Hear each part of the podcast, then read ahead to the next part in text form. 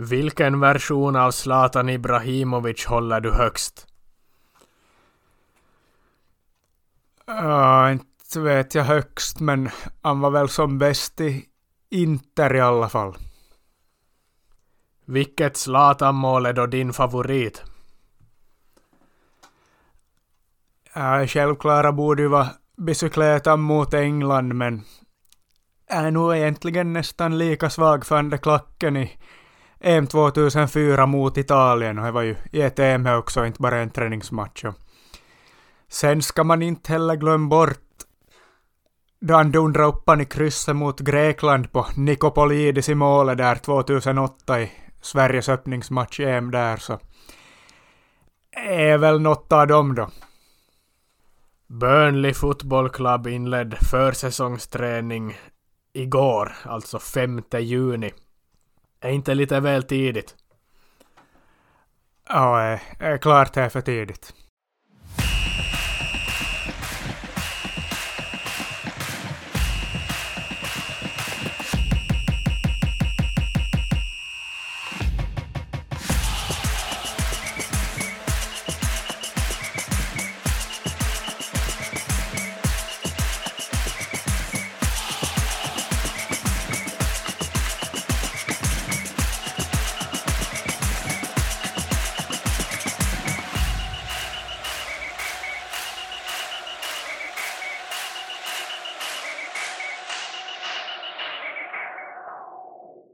Välkomna till ett nytt avsnitt igen en gång då. Eh, sjätte i sjätte idag, sjätte juni. Det betyder att det är exakt idag för 16 år sedan som namnet Huuhkajat kom till finska landslaget då Huuhkajafågeln svävade över Olympiastadion då Finland spelade mot Belgien och satt sig på ribban och hade sig där så är ju ett på sitt sätt historiskt datum i finska landslagshistorien, men jag tror vi spelade in faktiskt i fjol också exakt samma datum och diskuterade kanske något lite mer om det. Så kanske vi inte behöver fundera något mer på idag, men det är ju ett speciellt datum hur som helst i alla fall.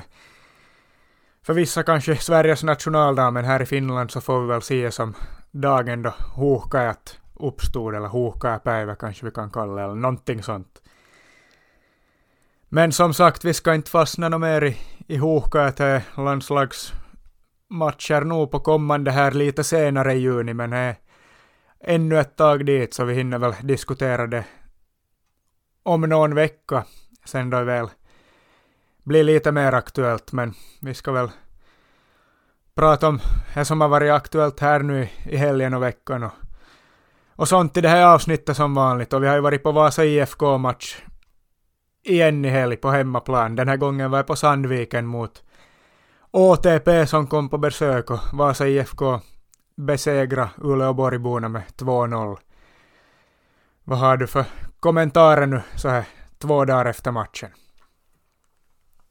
Nej, no, man har ju främst haft fokus på supporterhåll och följetongen efter förra veckan då det blev lite ja, då supportrarna svartmålades i, i media lite felaktigt som vi var in på i förra avsnittet och de svarar ju bra med ett halvtidstifo med en, en jättelång banderoll eller två banderoller med men en fin passning till media som har snackat skit. Ja, jag, var, jag förstod ju inte riktigt helt det här tifo jag om jag ska vara helt ärlig. Alltså någon slags passning var det, men inte förstod jag väl exakt vad, vad som menades om jag ska vara helt ärlig. Inte skandalscener inom citationstecken.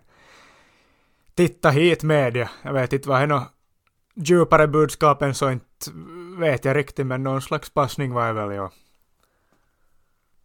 Nej, man hånar väl media tolkar jag som att man visar upp sig att ja, se hit här är supportrar som håller låda och om inte passar så behöver inte ni komma hit alls eller någonting i den stilen.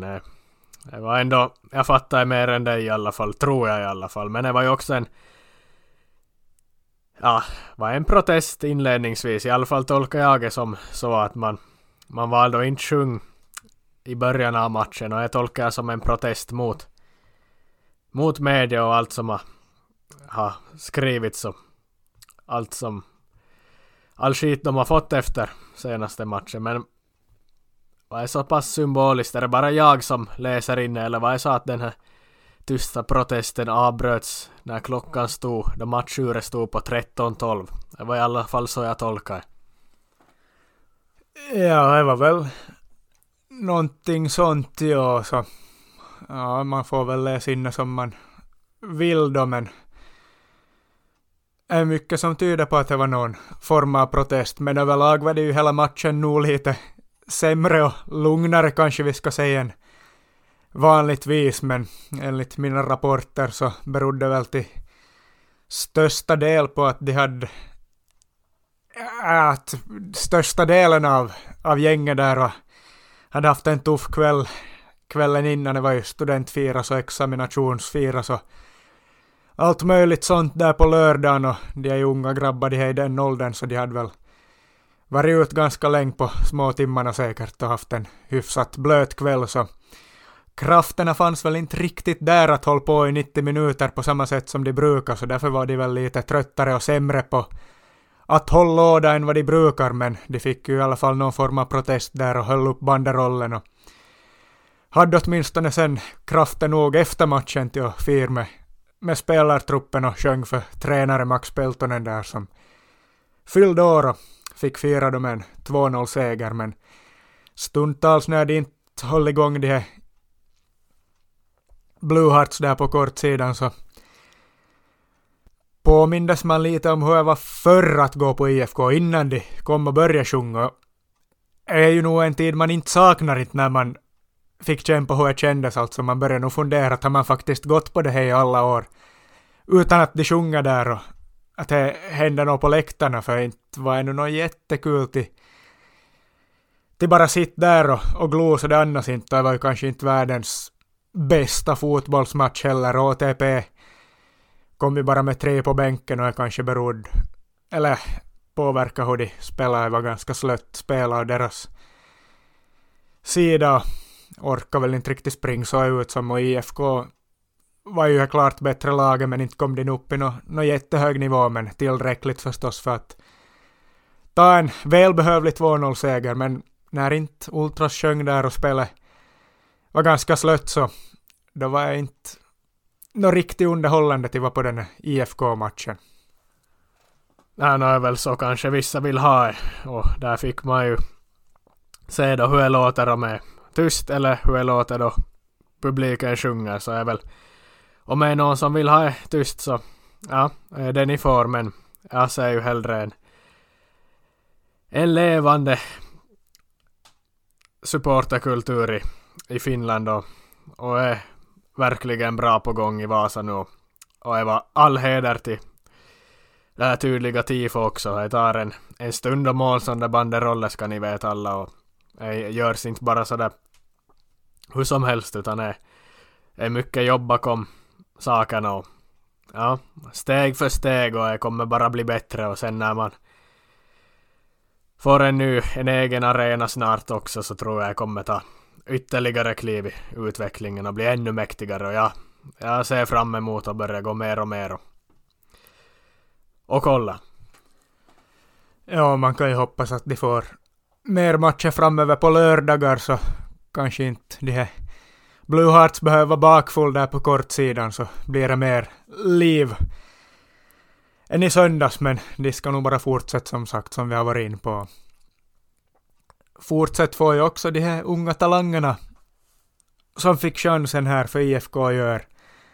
Det var väl en två, tre stycken, en från start där Österblad och så kommer två stycken in. Riktigt unga, alltså vad kan det vara, några B-juniorer.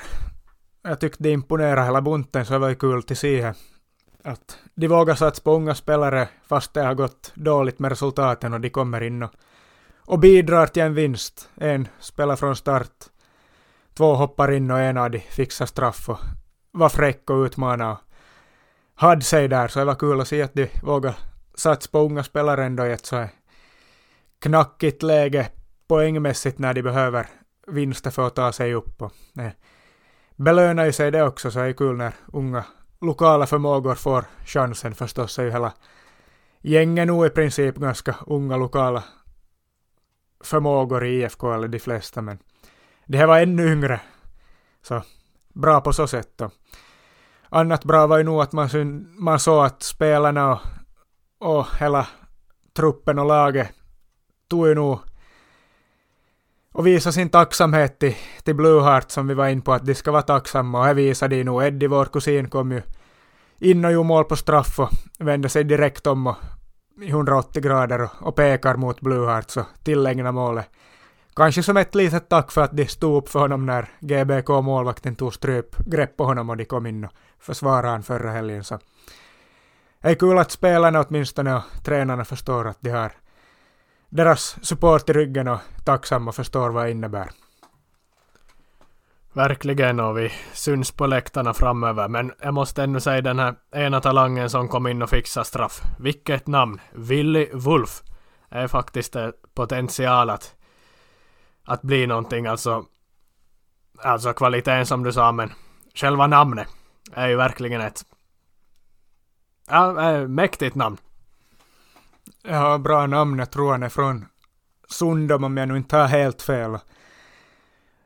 Kom ju in där på vänsterkanten och fräck och utmana och vågade beslut. Det var inte så det spelförsiktigt och lite fegt som man kanske blir tillsagd som junior när man kommer in att spela enkelt bara, men han, ja, han, han gjorde enkla bra, han vågade utmana och var lite fräck med bollen, så han kan ju bli riktigt bra man kan fortsätta sådär, så det var, det var kul att se han spela fotboll, ja. Och för Vasa IFK så väntar ju annars IFK Mariehamn i finska kuppen som har lottats här. Precis, och det blir ju åttondelsfinaler. Vilket är ganska bra för ett division 2-lag att ta sig till. Och IFK Mariehamn kommer till Vasa någon gång i mitten av juni och ska spela en enkel match där det blir. Det blir väl straffar eller förlängning. Jag vet inte om förlängning eller straffar någonting sånt efter 90 minuter och vinnaren där möter antingen Kups eller Honka så det är ju också ännu en intressant match att ta del av. Och VPS fick lite svårare, AC Oulu borta. Honka mötte väl sitt andra lag tror jag. Och HJK är ju faktiskt utslagna så är, mm, är lite roligt det här med kuppen också då jag, vi talade ju om i fjolåret, i fjol någon gång minns jag att att man har fått igång kuppen på ett annat sätt än förr. Att det är inte något gruppspel något mer utan det är utslagsmatcher hela tiden och är chanser för mindre lag att ställas mot större lag och chanser för skrällar och sånt här. David mot Goliat historier och ja. Dags för åttondelsfinaler där nu framöver har vi kanske får frälsaren från Saudi då, Siri, mot Vasa IFK då på Sandviken. Det kan väl vara sista matchen som Vasa IFK spelar på Sandviken.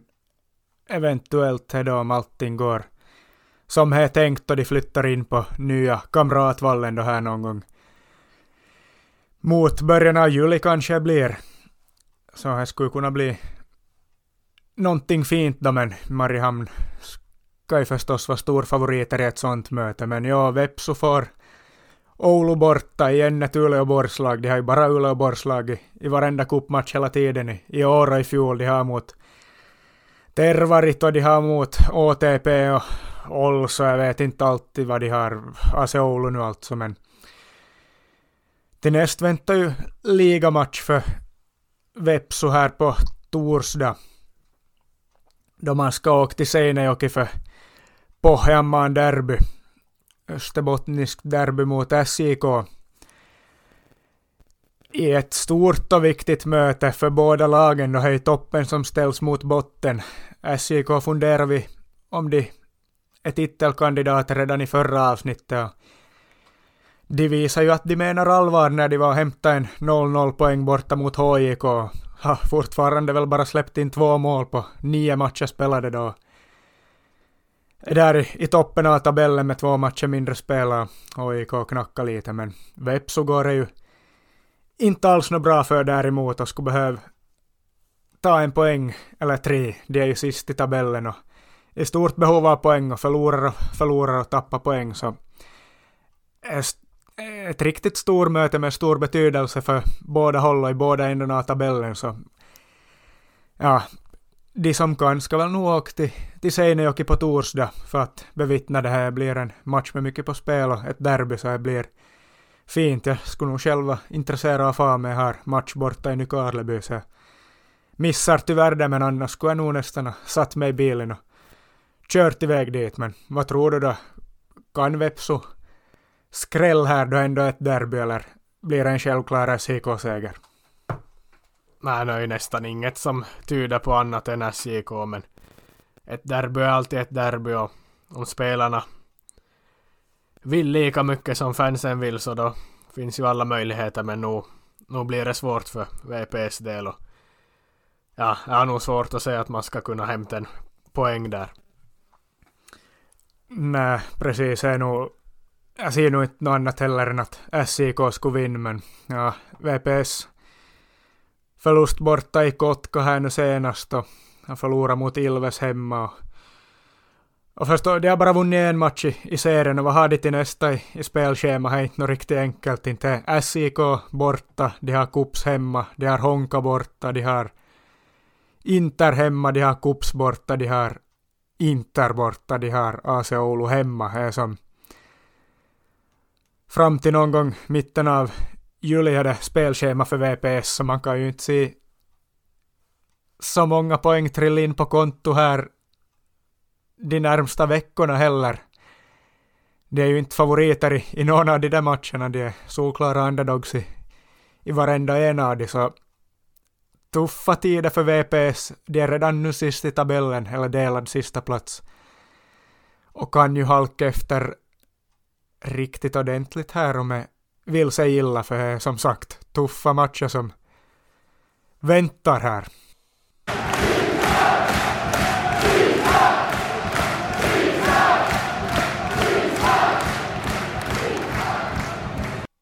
Ja, men vi går vidare och jag sa ju att Burnley har inlett försäsongsträning, alltså i början av juni. Man steg ju som bekant i Premier League tillbaks efter att ha åkt ur i fjol och ja, med Vincent Company som ny tränare så gick man som en raket och började spela. Tiki-taka på Turf och är ju inte något vi har varit van med tidigare men nu inledde man försäsong i början av juni och du tyckte jag var lite tidigt men ja, man kanske inte ska bli så lurad ändå av att man börjar så här tidigt för ligan tog ju slut någon gång i, ja var riktigt månadsskifte, april, maj så så man har ju haft en månad ledigt redan så man är tillbaks i träning egentligen och, och vissa spelare är ju på landslagsuppdrag så är ju inte alla som är i träning men man, man har som sagt haft en månad ledigt och så kör man nu försäsong en del, man får till Portugal på ett träningsläger och sen tar man väl ett, ett break igen på nå 10-14 dagar eller någonting sånt läste jag. Så kör man en försäsong två då. Så är, så är ligga till så ja, om någon tror att man börjar försäsong nu och kör ända in till Premier League-säsongen börjar så då är det ju fel men det var ändå anmärkningsvärt att läsa att någon börjar så här tidigt. Ja, det här skulle ha varit sjukt att köra ända, ända fram fullt till säsongen börjar härifrån men ja, det är väl ändå första gången man hör om ett sånt här koncept och förstås de blev ju klar tidigt som serie vinnare och att de steg till Premier League så de inte behöver spela, inte behöver spela om, eller på allvar egentligen, så de har väl haft ledigt nu här i en månad nästan är ju sant, men äh, det blir ju intressant, då inte vet man ju om det här är bra eller dåligt, jag har ingen aning, men det påminner ju lite om finska försäsongen, den härliga finska försäsongen som drar igång där i november, december och så brukar det vara någon vecka ledigt över jul och sen fortsätter man i några månader till då till eh, drar igång det någon gång i mars-april säsongen så kanske Company och Burnley hämtar inspiration från den finska försäsongen, vem vet? Ja, det eh, ryktas ju, eller snackas ju om övre halvan och att man kommer ta Premier League med storm och vi får ju se då kompani en ja, om man är en Championship-tränare eller om man kan göra det bra också i Premier League. Ja, man hoppas ju inte för man tycker ju fortfarande inte om det här Burnley som spelar tiki-taka fotboll. Det ska inte Burnley göra så man hoppas ju att det skiter sig ordentligt. Och en spelare som gjorde några matcher i, i Burnley innan han avslutade karriären är ju Peter Crouch. Han är väl främst känd från andra klubbar och ja, jag faktiskt här i senaste veckorna kollat igenom en TV-serie från BBC som har funnits också på, eller finns på Discovery. Dplay eller vad det nu heter. Save or Beautiful Game heter den. Handlar om att Peter Crouch håller på far runt i ett Ja, han, han går in i Dulwich Hamlet, ett lag i södra London i division 6 där som han har spelat i som någon gång som utlånad då han var ung. Och den här serien handlar om att han ska försöka rädda gräsrotsfotbollen som har fått det svårt i och med coronapandemin och där och alla intäkter som föll bort. Och det är faktiskt en intressant serie som jag kan rekommendera folk och, och koll på för, för Crouch är ju alltid Crouch och han är ju alltid rolig och är, är intressant att, att följa med i, i hans försök att hitta sponsorer och fix och träningsanläggningar och faciliteter och försök som involverar lokalsamhället i den här division 6 fotbollen att man ska försöka gå stötta sitt lokala lag och så vidare. Är det någon serie som du har tagit del av? Nej, har jag inte, men man har ju nog hört om man konsumerar ju Crouchy i poddform mest jag med hans podcast som är ju börjar vara säkert en av världens största podcasten och kanske inte riktigt ännu men är ju riktigt stor i Storbritannien och, och når nog ut globalt också. Där tar man ju nog del av vad Crouch håller på med och är, är mycket galenskaper men han är ju en rolig man han det Crouch så ja, nu skulle man ju borde ta del av den här serien då också. Jag är ju lite som att han, han kommer in dit och vad ska nu han göra där? Ska han som... Ja, kanske kommer nog mer folk på någon match om han kommer dit och visar upp sig. Men det är som... Ja, som jag förstår så försöker han nog som genuint få igång det. Men han märkte ju att... Att det är väldigt svårt. Att det är som... Man brukar väl... Eller de jämför väl att... Vad en Manchester City-spelare tjänar i per dag så är som hela... Ja, en hela den klubbens ja, flera månader eller till och med någon hel säsong eller någonting. Det var så vitt skilda världar och Crouch som man spelar på högsta nivån i Premier League och Champions League och, och VM för England och, och allt möjligt. Att han kommer dit då och ska försöka få fart på Dulwich Hamlet i division 6 är nog lite att ta sig vatten över huvudet men ja, det kom också där upp den här frågan att det är som till och med att det är svårt att stiga för vissa lag. Fast man stiger så har man inte råd att stiga. Det är ju faktiskt någonting som har varit aktuellt också i Finland. Det är ju någonting som jag personligen tycker är tragiskt. Att om man har sportsligt gjort sig förtjänt av att stiga, då ska man ju få stiga utan att det ska kosta någonting. Men så är inte fallet hela tiden och verkligheten ser annorlunda ut. Men det är intressant serie att följa med och Crouch går in där och och försöker rätt till saker för han besökt väl också några andra sådana mindre klubbar som har tvingats gå i, gå i graven och till och med försatts i konkurs och inte längre finns men är, är faktiskt skön profil Crouchy.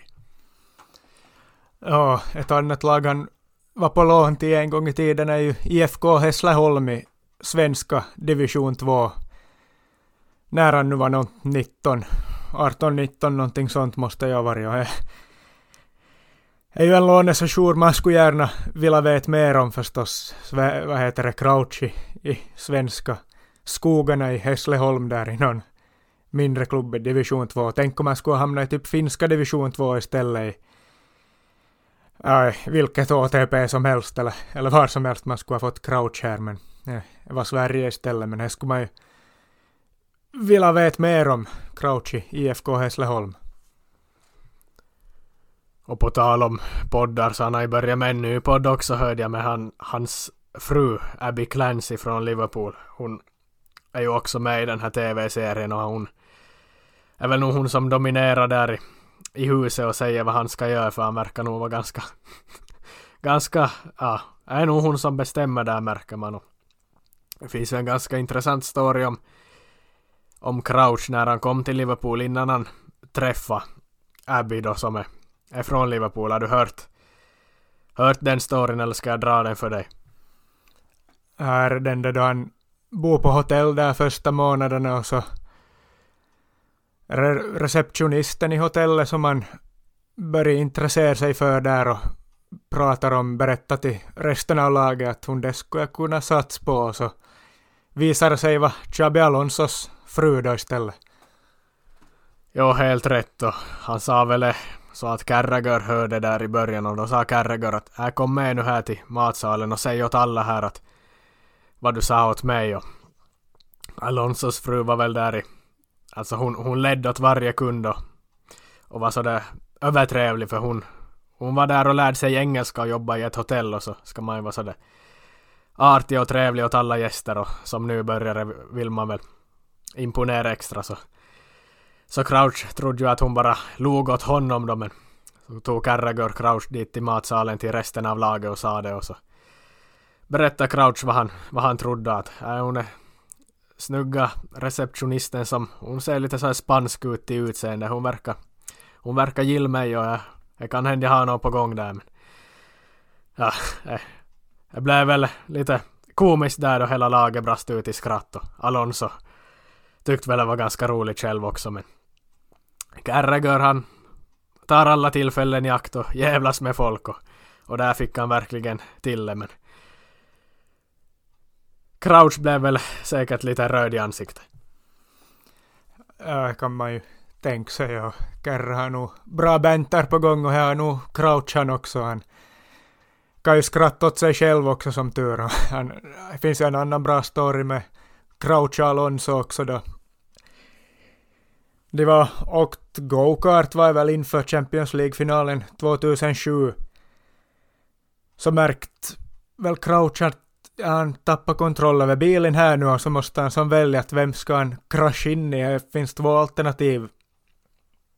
Ena är ju Dirk Kuyt och andra är Xabi Alonso så han tog nog självklara beslutet och dundra rätt in i Dirk Kuyt för han tänkte väl att Xabi Alonso han är värdefullare, hans ben har vi hellre på planen än Dirk köits.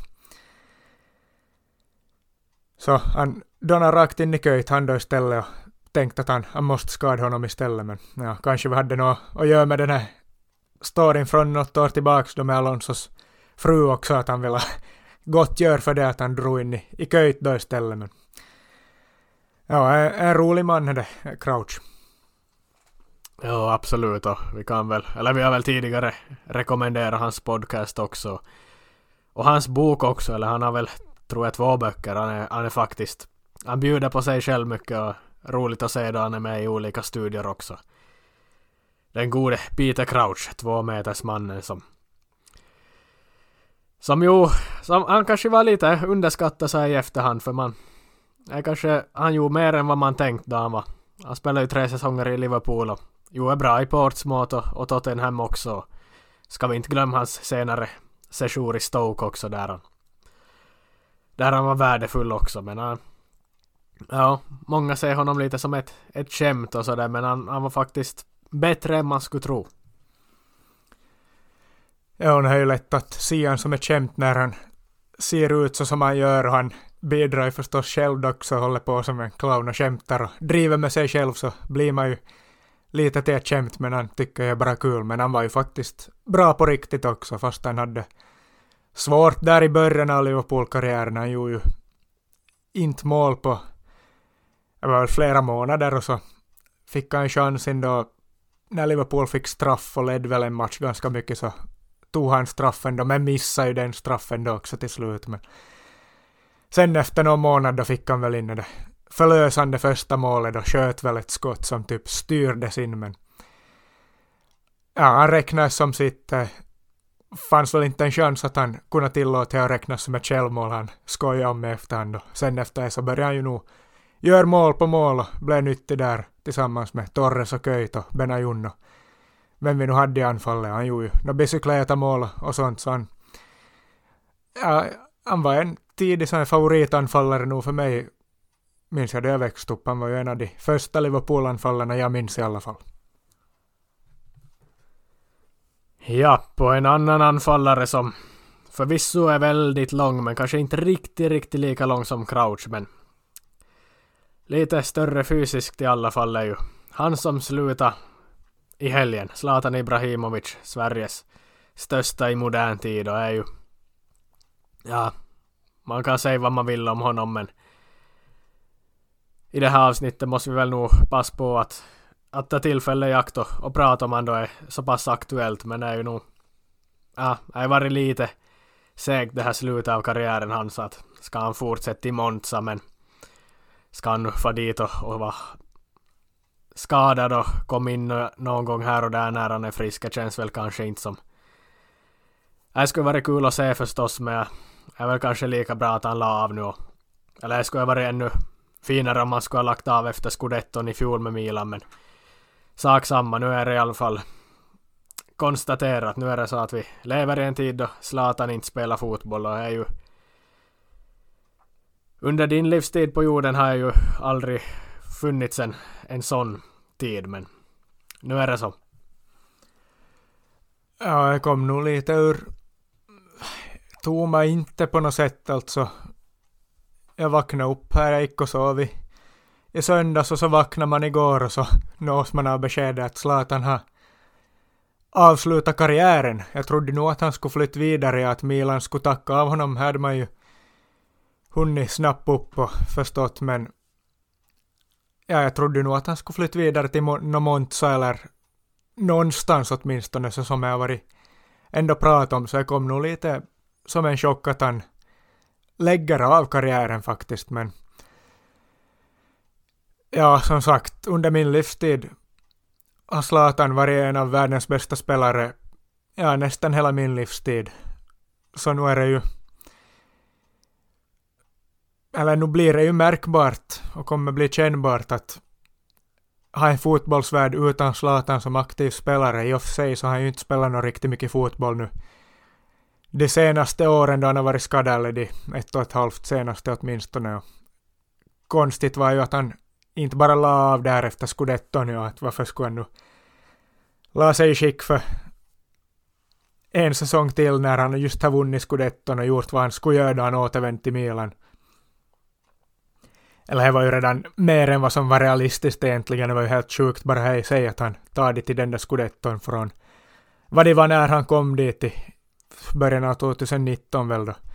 Det var på dekis men Ja, eh, märkligt med en, fotbollsvärld utan Zlatan. Ja, 2020 ska vi säga att han kom dit tillbaks. Men ja, jag har ju följt hans karriär sedan han slog igenom. Jag så är ju som en man har fått, fått se mig som ja, alltså vid medveten ålder hela karriären så är det som intressant och alla de här tidiga 80-talisterna börjar ju försvinna från fotbollsvärlden. Joaquin slutar ju också. Flera andra som lägger av men är ju ingen som får så mycket rampljus som Zlatan nu då hela fotbollsvärlden. Uppmärksamma honom och är väl inte mer än rätt det och ja, Sveriges viktigaste person i, i modern tid, måste vi väl i alla fall säga. Han är ju den som har satt Sverige på kartan och som Niva skrev i någon text att om, om man är i Bolivia eller Tanzania och säger att man är från Sverige så är det ju nio av tio som säger att det är ah, the country of Ibrahimovic. Och I Sverige är han ju jätteviktig i och med alltså nya generationens spelare och alltså människor med invandrarbakgrund. Han är ju enorm för integrationen och allt och har ju haft en, ja, alltså hans påverkan på, alltså inte bara fotbollen men på Sverige som land är ju, eh, alltså jag tror folk inte riktigt förstår det och det kommer ta länge innan eller är som en hel generation som har formats och är som ett, ett land som har bytt riktning från att ja, stava med ST och stava med Z kan vi väl nästan säga för det är ju nog så stor han har blivit och kommer vara för alltid där. Och Ja, är nog hatten av. Det får man nog säga och, och Ja, inte vet jag vad, vad ska man säga om Zlatan. Det kom så plötsligt det hände att han slutade så jag har inte riktigt hunnit fundera så mycket på det. Men jag börjar ju fundera på det här nu att när och var han varit som bäst. Det är ganska lätt att sätta och prata om olika versioner av Zlatan då han har bytt klubbar så ofta och bara varit några år per klubb flytta vidare då, toppklubbar hela vägen men ja, jag, jag kommer ju fram till det i alla fall att det i Inter där runt 2006, 7, 8 någon gång han måste ha varit som bäst. Det är ju min spontana känsla i alla fall. Var inte då han var som allra övermänskligast på något sätt. Sen visst PSG, där har han väl gjort mest mål och matcher men är ändå PSG överlägsna i en enkel serie och lyckades ändå inte ta det någon vart i, i Champions League så eh, eh, går inte att jämföra på samma sätt men i Inter vann han väl scudetton, han vann skytteligan, han gjorde några sjuka mål och sjuka prestationer och, och var som ett monster på topp och här har han nog varit på många andra ställen också. Milan förstås, första sessionen där också var han ju otrolig och Barca kvävdes han ju av Guardiola men jag håller det nog som att han var bäst i, i Inter jag i alla fall. Ja, det är väl nog det jag skulle vilja säga också men det kanske inte ändå riktigt stämmer för hans andra, eller första session i Milan. Andra säsongen vinner han ju också skytteligan. Han har ju två Capocannoniere skytteligasegrar i Serie A. En är ju med Inter 2009 och andra är ju 2012 med Milan.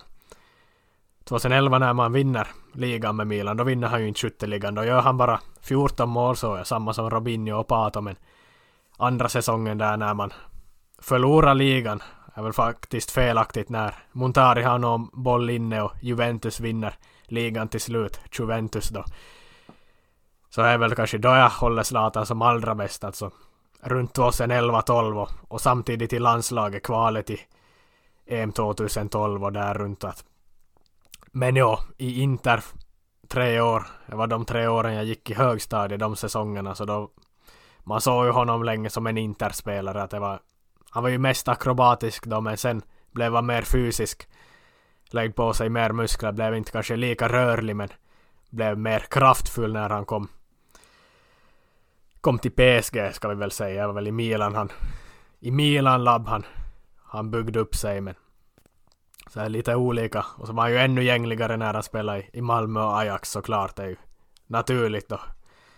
Då man växer men ja, jag gillar Zlatan i Inter faktiskt. Han var, där var han en artist mer och sen blev han mer kanske en maskin senare i PSG. Och, men är kanske däremellan två säsongerna i Milan mellan 2010 och, och 12 som jag håller honom som kanske allra bäst. Men landslaget väldigt bra också flera gånger i kvalen också. Är ju en av de stora myterna det här att Sverige skulle vara bättre utan Zlatan. Är ju går förvisso att säga här på senare år och när Zlatan hade slutat. Men när Zlatan fanns tillgänglig och spelade då var man ju nog kanske enstaka gånger har hänt men det var nog bara som en myt att om Sverige hade råkat göra någon bra prestation utan honom så byggde man vidare på och sa att kanske vi klarar oss utan men men ja, nej, nog, han var nog bra i landslaget också men sällan lyckades han riktigt, riktigt bra i mästerskap. Han gjorde tre helt okej okay EM ska vi väl säga, men i VM har han ju aldrig gjort något mål. Han gjorde väl ett par mål i alla EM han spelade, förutom sista EM 2016. Men ja, även i EM han har varit helt bra, men annars så i VM har han aldrig varit riktigt något bra. Men det har varit en del skador i vissa mästerskap också. Ja, senaste VM jag spelade var väl 2006 och då var han ju... No, då började han ju vara där på toppen av sin förmåga men han hade väl någon ljumskskada hela mästerskapet då. Kämpa med den så han var väl inte helt i 100% skick där då så kanske därför han inte lyckades fullt ut och 2002 första VM han spelade så var han ju så ung. Han tänkte ju, eller hade väl chansen att bli hjälte där och skjuta Sverige vidare mot Senegal i förlängningen men Jo, inte mål då Sverige åkte ut. Och så 2006 då som sagt halvskadad så sen blev det ju inte mer VM för hans del så är ju synd på det sättet men i EM några snygga mål. Klacken mot Italien är ju helt otrolig. Och det skottet i krysset mot Grekland 2008 ska inte glömmas bort det heller som sagt. Det är Nikopolidis i mål där, gamla silverräven. Han väggar väl med vem är det på topp där? Jag minns inte vem, kanske Elmander eller någon och så dunkar han upp han på första i krysset. Det är en perfekt träff och ett mål som jag sett på repris många gånger men det är som en riktig perfekt långskottträff, perfekt som slicear bollen med vristen exakt rätt och får fart på den där bollen så är ett favoritmål här faktiskt men ja, nej. Inte kan man ju påstå att Sverige skulle ha varit bättre utan Zlatan inte under hans tid, men man kan i alla fall påstå att de inte lyckades få fullt ut av vad de ska kunna få ut. För ja, man använde väl inte resurserna helt rätt och man hade för mycket att kretsa kring Zlatan. Åtminstone under Hamrén-åren där, så alla blev som nästan rädda att göra något annat än passa, till Zlatan. är ju många som har pratat om det i efterhand som har spelat där under de åren i landslaget för Sverige som man har hört. Så. Ja, det blev ju lite bortslösat på det sättet och man fick inte ut kanske riktigt så mycket man skulle borde få ut av honom i landslaget men även om han fick ut mycket och är Sveriges mesta målskytt med ganska stor distans väl till, till nästa på listan och ja, nu är han väl bäst i, i svenska landslaget inom tiderna om inte man börjar blanda in några 50-tals gubbar, Nordahl eller någon av dem. Ja, väl EM 2004 som man hade bäst chans och då var han ju ännu som han tog kliv men han hade inte slått igenom som den allra allra största. Han var väl nog jättebra redan då men är ju nog då man föll på straffar i, i kvartsfinalen mot Holland så då skulle man nu kunna gå ännu längre. Men det är ju då också han gör det här klackmålet som jag, om jag ska välja ett Zlatan-mål så jag minns allra starkast så är det ju nog klackmålet mot, mot Italien där. Rivieri och Cannavaro eller vem är det som försöker nick, nick bort den på mållinjen men den dyker under ribban perfekt. Det var ju nog ett otroligt mål där och då. Det är ju nog flera mål som man har gjort som man har häpnats över. Och ett annat starkt minne jag har är ju faktiskt uh, våren 2008. Han hade varit skadad egentligen sen vintern, kanske två, tre månader och jag var som snack, ska han ens hinna tillbaks till EM eller ska han hinna tillbaks till ligaavslutningen och Roma hade tagit greppet över ligan. Man spelade, både Roma och Inter spelade samtidigt och Roma ledde väl eller hur det var och Inter hade oavgjort mot Parma på Ennio Tardini. Zlatan byts in i är det 70 minuten någonting, kommer tillbaks från skada och Inter behöver Vinn matchen att vinna ligan, annars vinner Roma och Zlatan kommer in efter tre månaders frånvaro. Skjuter in två mål i ett regnigt Parma på Tardini. Avgör ligan för Inter. Är, ja, är kanske mitt allra starkaste Zlatan-minne för det var då han riktigt som... Ja, han visade att alla behöver mig och så kom han in avgjord på egen hand. Nej, på något vis nog så han ska ha, att han ska ju vara kungen som står i centrum och känner att folk behöver han egentligen och jag vet inte, jag har på något sätt tänker man väl nog ändå att han måste vara lite, lite korkad.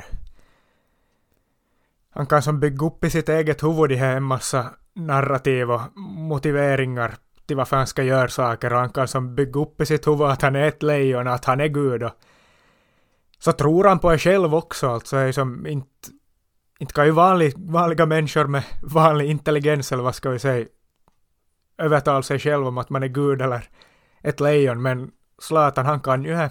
Och han får genom det ut mer än vad han skulle få utan det självförtroende och bli som den där jävla, no, bli det lejonet eller guden som han själv tror att han är då. Eh, fascinerande är det att han är ju lite, lite korkad måste han ju vara. För att gå på sina egna... Han går på myten om sig själv kan man nästan säga. Ja, men det spelar ju som ingen roll, eller det är som bra bra att han är lite korkad i det här fallet, för att har gjort han ännu några procent bättre än vad han annars skulle ha varit. Och så är det helt otroligt att han varje gång har någonting att säga. Han är så rapp i käften och har... Alltså han svarar på varenda som påstående eller kritik eller någonting så har han en syrlig eller passande kommentar som... Tänk om man skulle ha hans... Alltså det känns som att det är som...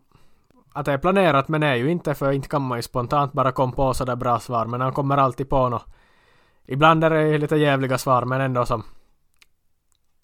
Vilka citat han har dragit fram genom åren och det är ju många som såklart har stört sig på att han är för, för dryg och kaxig och här i Finland så är det väl nog så att han inte har haft så mycket supportrar men jag tycker det har börjat vända lite på senare åren när han har blivit lite äldre och folk har börjat gilla honom mer här. Är det också den bilden du har av, av Zlatans storhet i Finland? Ja, nu är det väl kanske så nu. Jag inte vet jag om jag har haft någon bild av att finska befolkningen skulle ha någon relation till honom överhuvudtaget som varken positiv eller negativ på något speciellt sätt förr, men ja, inte, inte hör man nu att han skulle kritiseras här något mer, inte så är det åtminstone när man tänker på saken. Han har nog varit rejält, rejält hatad. Alla hatar Zlatan i Finland, så var det nog. Det var nog bara jag som inte gjorde ett tag, kändes det som. Men, nu på senare år har nog folket vänt lite och börjat uppskatta han mer, men ja. Men däremot har väl jag tappat lite av honom då han gick till United. Det var ju en helt onödig utflykt och jag, jag drar ju ner mina sympatier för honom. Tyvärr, det var ju en helt onödig session där. Och det var ju onödigt att han gjorde fyra år i PSG också alltså som visst han jo jättemånga mål där och, och erövra en en helt ny, ett helt nytt land som ingen storstjärna riktigt hade varit varit i och på det sättet sen PSG fick pengar men det var ju lite så här skulle inte han ha kunnat vara kvar i i Milan men det skulle han ju inte kunna för de hade ju inte råd att behålla varken han eller Thiago Silva. Det var ju därför de lämnade men är ju, ja. Han är ju inte klubblojal. Han har ju varit runt i olika klubbar och alla randiga storklubbar i Italien så han är ju men ändå så är han populär och uppskattad och jag ska vi säga respekterad nästan överallt. Så är det nog ja, men mm, ja, Italien har ju nog en gud i alla, fast han har representerat alla randiga storklubbar där, men känns ju som att han är hyllad av alla. Jag vet inte hur Inter-fansen ser på en riktigt, men inte tycker nog att de heller hatar på honom extra mycket. De förstår väl att det är sån här han är och Milan är väl han pratar om som sitt hem nu för tiden åtminstone är väl kanske förståeligt ändå.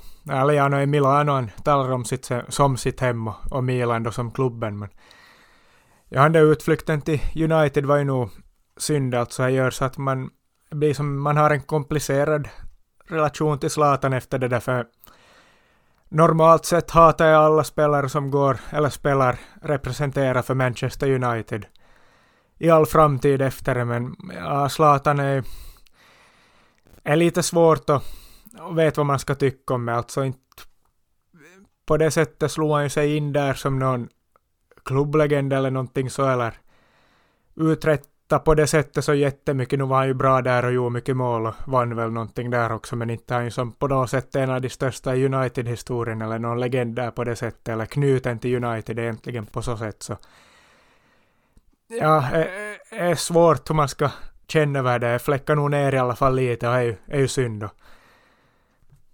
Och ja, no, samma sak med, med PSG men ja, man förstod ju inte riktigt vad det var eller vad PSG ändå var där då han gick dit. Man var nu så ung och fattade inte riktigt att hela Qatar bakom det och hur det var uppbyggt. Hela projektet är uppköpt men man fattade ju nog att det var nå skit men när vi nu talar om starka Zlatan-minnen så ett av mina starkaste är nog faktiskt inte från en match utan det var det jag satt och gick igenom text-tv där.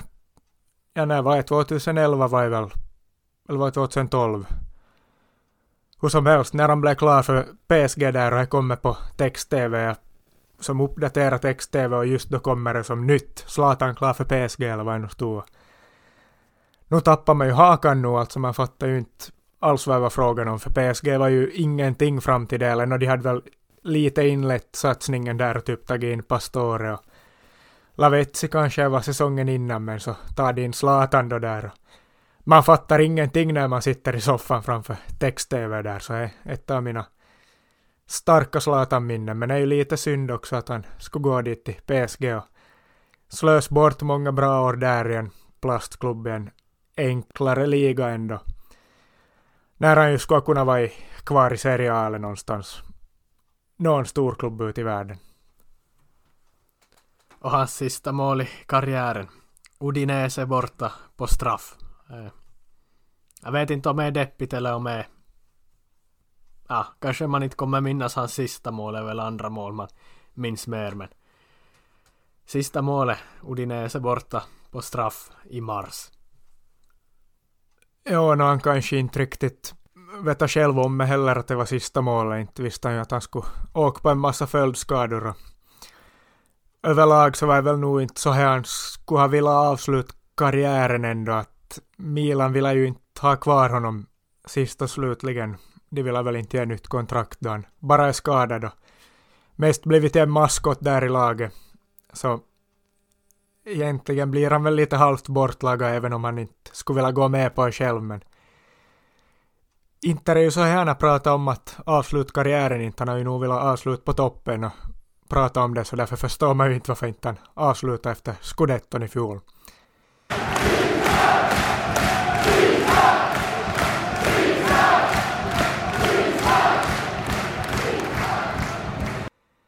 Men där har vi ganska långa funderingar om Zlatans karriär och riktigt färdiga är vi inte där ännu heller för vi har väl inte så mycket annat internationellt att prata om så vi fortsätter på Zlatan och vi har båda tagit ut lite quiz om honom och du skulle väl börja du med att dra ditt quiz. Så vad har du till kom med för utmaning åt mig om Zlatan Ibrahimovic?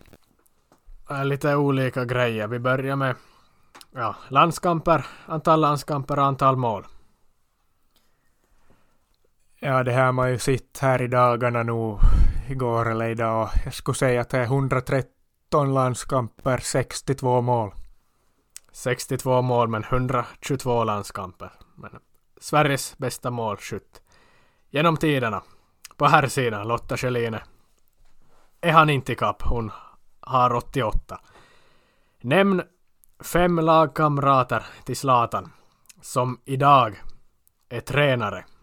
Det kan vara lagkamrater genom åren från vilken klubb som helst. Det finns en hel del av hans gamla lagkamrater som har blivit tränare så jag Fem ska du i alla fall ta. Ja, no, vi kan börja med en italiensk mittfältsduo, ett mittfältspar som har spelat tillsammans ganska mycket genom tiderna och är ju Andrea Pirlo och Gennaro Gattuso. Ja, det stämmer bra. Båda är tränare i dagsläget, eller har varit. Ja, båda är väl klubblösa kanske för tillfället faktiskt. Pirlo lämnar väl sitt turkiska lag eller om han fick sparken och Gattuso har vi varit in på att bli sparka från Valencia tidigare vintras någon gång.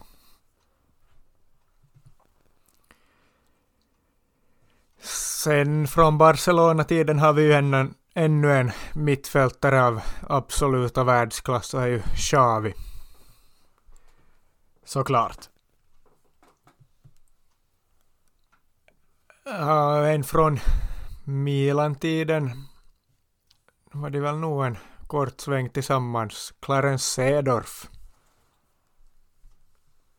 Jo, han är väl också, jag har inte faktiskt skrivit upp han men det finns så många här på, på listan jag tagit ut men det stämmer. Cedorf räknas in för han var med Milan, eller med Zlatan i Milan, jo. Han kanske är klubblös han också faktiskt, hade väl en misslyckad stint i Deportivo La Coruña eller någonting sånt och trilla ur La Liga eller någonting sånt. Så, ja, det var Cedorfs tränargärning. Det eh, är ju överraskande svårt det här men Walter Samuel är ju tränare någonstans, eller han andra tränare någonstans. No, han är, var, Walter Samuel är tränare i alla fall. Jo, Walter Samuel är faktiskt assisterande tränare i argentinska landslaget, eller någon, någon slags tränare där så är nog rätt, men ja, det var väl fem här, du behöver inte ös på något mer, men jag kan ju dra några andra exempel som jag tog ut härifrån. I, från Ajax-tiden finns det till exempel Heitinga. Så har vi ju Stankovic, Viera, Sambrotta, Cannavaro, Crespo, Thiago Motta, Massimoddo. Det, det finns en del att välja mellan och det var bara några jag tog, eller kom på så här hastigt, men det finns väl ännu mer också. Men det är ju många av hans gamla lagkamrater har blivit tränare och är väl, återstår väl att se om han själv gör det också, tveksamt. Men vi går vidare med nästa fråga. I vilket lag har Zlatan bäst målsnitt av alla lag han har spelat i?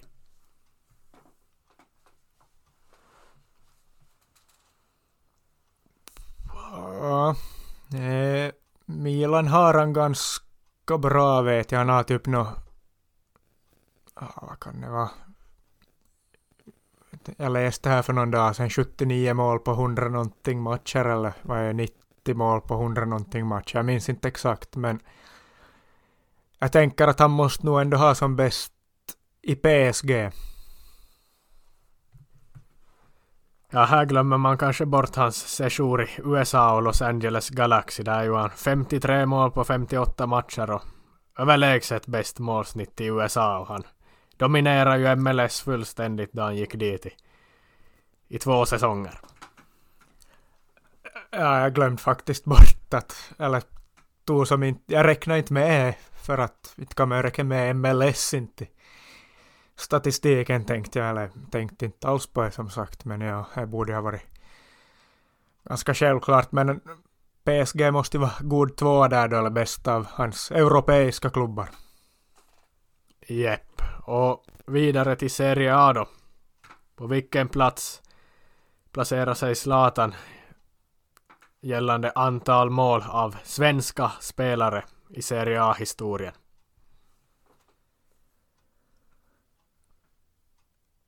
Ja, jag säger att han är andra. Han är faktiskt på tredje plats. Gunnar Nordahl som är överlägsen etta och han är väl en tredje totalt sett genom alla tider med 225 mål och så har vi på nionde plats och andra då av svenskarna är ju Kurt Hamrin och är ju imponerande för han var ju bara eller ytter, han är ju inte renodlad anfallare han i, Fiorentina. 190 mål ju Kurre Hamrin Zlatan är tredje bästa svensk då, 20 delad 20 plats i totala Serie A-skytteligan genom tiderna med 156 mål. Intressant här på den här listan, Serie A-skyttekungar, eller målgörare genom tiderna, att Immobile, Ciro Immobile är åttonde med 194 mål och han kommer gå om alla de här som är framför honom ganska, ganska snart och han har om Immobile håller sig skadefri, det finns alla chanser att han till och med kan ja, bli till och med andra på den här listan, till och med hot om första platsen men det bara så här man noterar att det kanske inte känns så att Chiro Immobile har varit eller ska vara en av Serias bästa genom tiderna men han gör sina mål i Lazio och kommer klättra på listan. Det är nog ganska sjukt när man börjar fundera på saken då. Ja.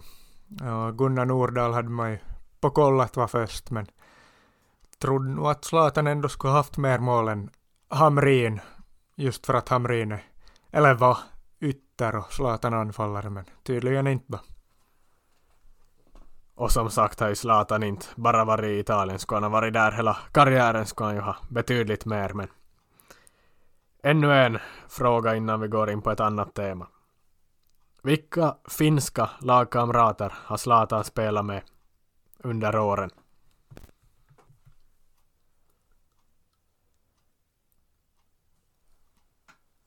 Ja, jag kommer nog bara på Littmanen i Ajax, jag om inte vi räknar Malik Tiavti, finländare här i Milan, men det gör vi väl ändå inte då. debutera för tyska A-landslaget så kan vi ju inte gå så långt. Ja, Littmanen är korrekt och Littmanen är ju en spelare som Zlatan uppskattar under Ajax-tiden och har beskrivit som en, en jättebra förebild där. Men det var en annan i Ajax också samtidigt ungefär. Petri Pasanen faktiskt. Ja, just det. Ja. Hade man faktiskt inte tänkt på att de skulle vara där på, på samma gång. Inte är nog bara Littmanen man tänkt på så gick man snabbt vidare från Ajax då. Men ja, Zlatan hyllar ju sin bok Littmanen och hade honom som mentor. Och det var väl lite av att se på Littmanen Som man börjar få ut det mesta av sin potential och ta ytterligare kliv i Ajax efter att ha lite kört fast där i början så han har ju Littmanen mycket att tacka, eller han tackar Littmanen för mycket åtminstone i, eller från Ajax-tiden. Och ännu innan du får ta ditt quiz så ska jag be dig att och fyll på lite. Jag läser upp några Zlatan-citat genom åren. Eller jag läser upp halva så får du försöka komma på eller fortsätta det här citatet i till slut. Vi börjar med första. Man kan ta en kille från Rosengård. Men. Man kan inte ta Rosengård från en kille. Yes, och det John Karev kan göra med en fotboll. Det kan Zlatan göra med en apelsin. Jepp, och när han en gång köpt, eller då de frågade honom om han hade köpt någon present till en tidigare flickvän, frågade de. Vad fick hon? Vad, sla, vad svarade Zlatan då? Ja, här vet jag inte ordagrant, men någonting med att det är Zlatan som är presenten. Ja, vad då fick? Hon fick ju Zlatan. Och det här är ett citat från Barca-tiden, eller efter Barca-tiden om hans schism med Pep Guardiola. Du köper en Ferrari, men... Du kör den som en Fiat. Jepp, och när han lämnade Paris så sa han jag kom som en kung. Och jag lämnade som en gud. Ja, där har vi lite fel. En legendar, men ja. Nästan samma sak. Efter EM, playoffen mot Danmark, EM-kval alltså till 2016. De skulle skicka mig i pension.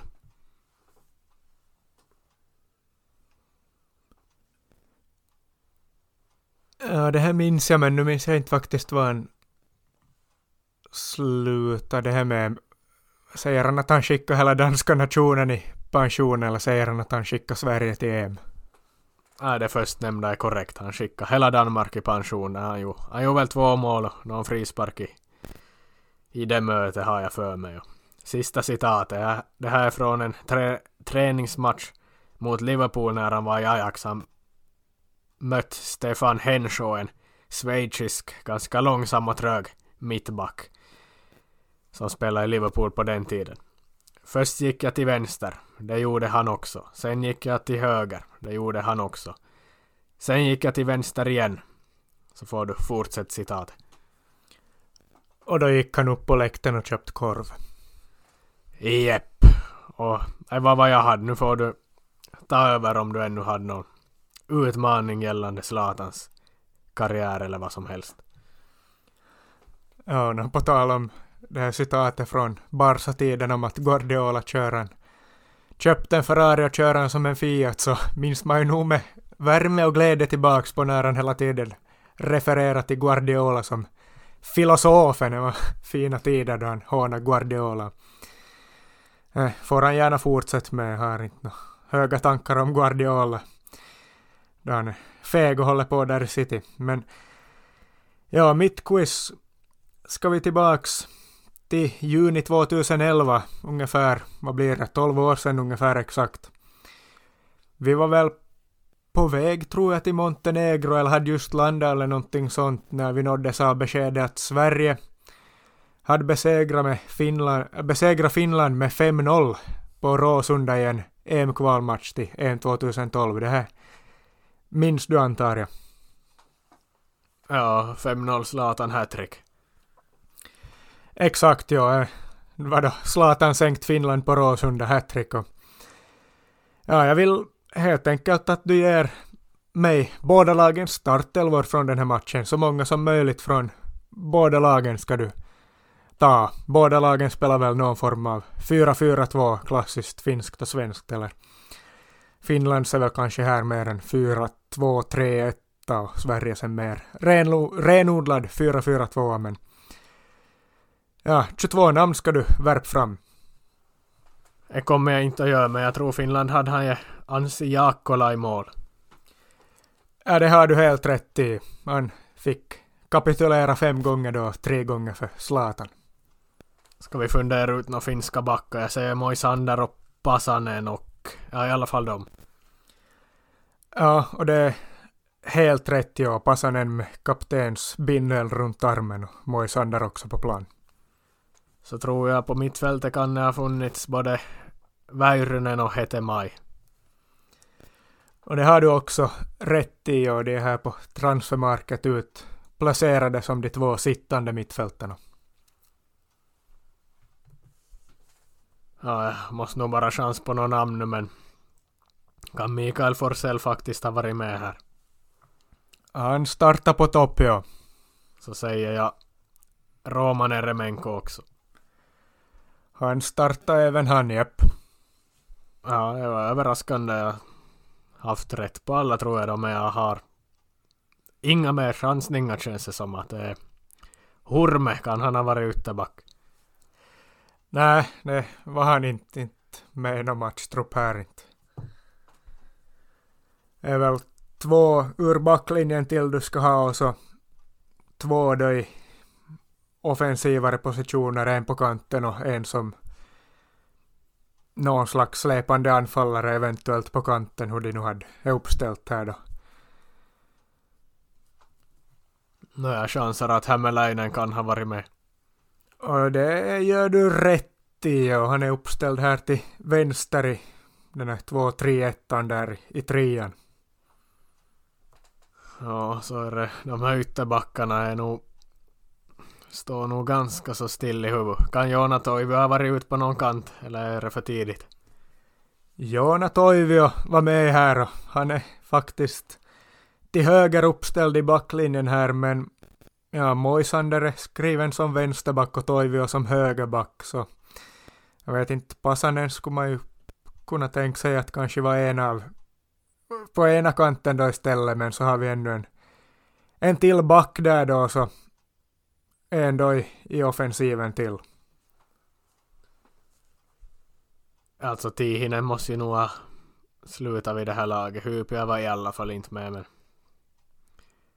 ska jag säga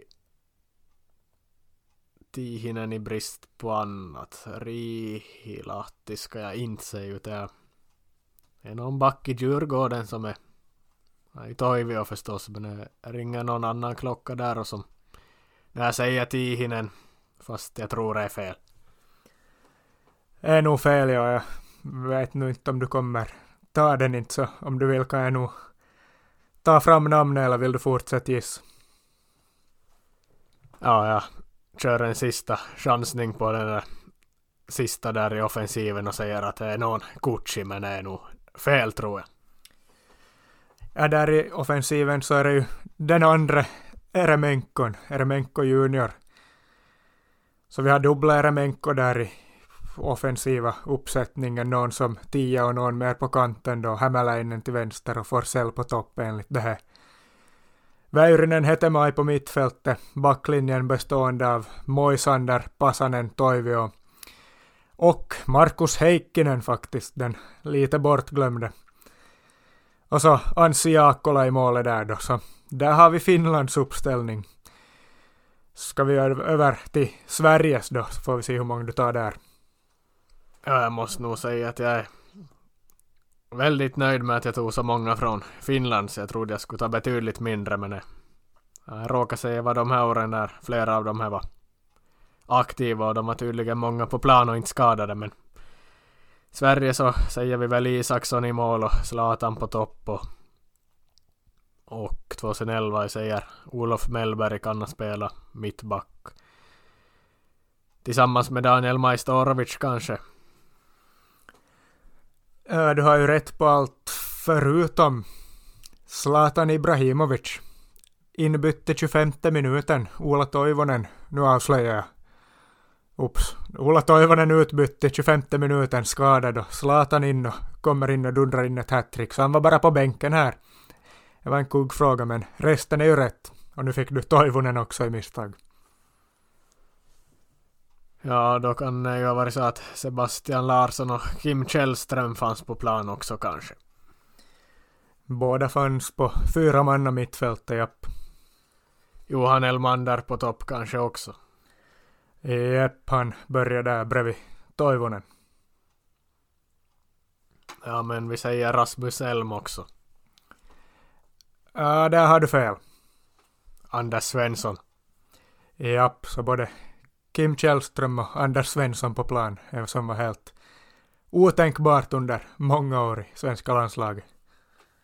Är det två ytterbackar och en eh, mittfältstyp ytter eller någonting jag saknar då kanske? Uh, ja, båda ytterbackarna och så vänsteryttern enligt den här uppställningen på transfermarket. Det kan ha varit han Samuel Holmén som har varit ytter då. Nej, det var inte och jag kan säga att alla de här tre spelarna du ska ha är väl egentligen yttermittfältare. Men en av de är av någon anledning spelar på kanten här. Jag tror jag har en i alla fall, Emir Bayrami. Japp, det var han som var vänsteryttermittfältare och gjorde faktiskt mål också i den här matchen. Så det var han, tre av Zlatan och så ett av Kim Källström som sänkt Finland den här dagen. Ja, men jag säger väl ännu Mikael Lustig kanske var högerback och så vänsterback chansar jag på. Jag tror kanske jag var antingen Olsson eller så kan det ha varit, jag säger Berang Safari. Safari och Lustig. Lustig är ju rätt men varken Olsson eller Safari är rätt på vänsterkanten. Det är en, en bra svensk ytterback som tyvärr inte ihågkommen från landslagen och riktigt mycket inte. Ja, där tror jag du försa dig för då tänker jag direkt på Oskar Wendt. Ja, och det stämmer alltså. Så där har du dem. Klarar väl dig ganska bra i, i det här quizet måste jag säga. Miksu Paatelainen tränare för Finland och Erik Hamrén för Sverige när Finland krossades av Zlatan och svenska landslaget på Råsunda med 5-0 för, vad sa vi, 12 år sedan. Ett minne vi inte så gärna ser tillbaks från nu, eller ser tillbaks på från finländskt perspektiv, men Zlatan Ibrahimovic, huvudpersonen i, i dagens avsnitt får vi ändå säga kanske hellre minns den dagen. Det blev väl betydligt hårdare och tuffare match i ett regnigt, blåsigt Helsingfors där under hösten när EM-kvalet gick i mål. Men då gick ju Sverige till EM och Finland gick inte. Det var ju Zlatan som gjorde sitt sista mästerskapsmål i det EM-slutspelet man tog sig till efter de här kvalmatcherna mot Finland. Och hans sista mästerskapsmål var väl den här volley, liggande volley mot Frankrike när förvisso hade blivit uttag för Sverige men det var ju ännu ett sånt där snyggt spektakulärt Zlatan-mål.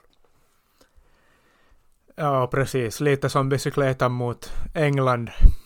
Snygga mål, otroliga mål. Speciellt bicykletan, men i betydelse lösa matcher så därför kanske andra mål kan vara med och konkurrera ändå om att vara Zlatans bästa mål. Men sjukaste målet måste nog ändå vara bicykletan förstås.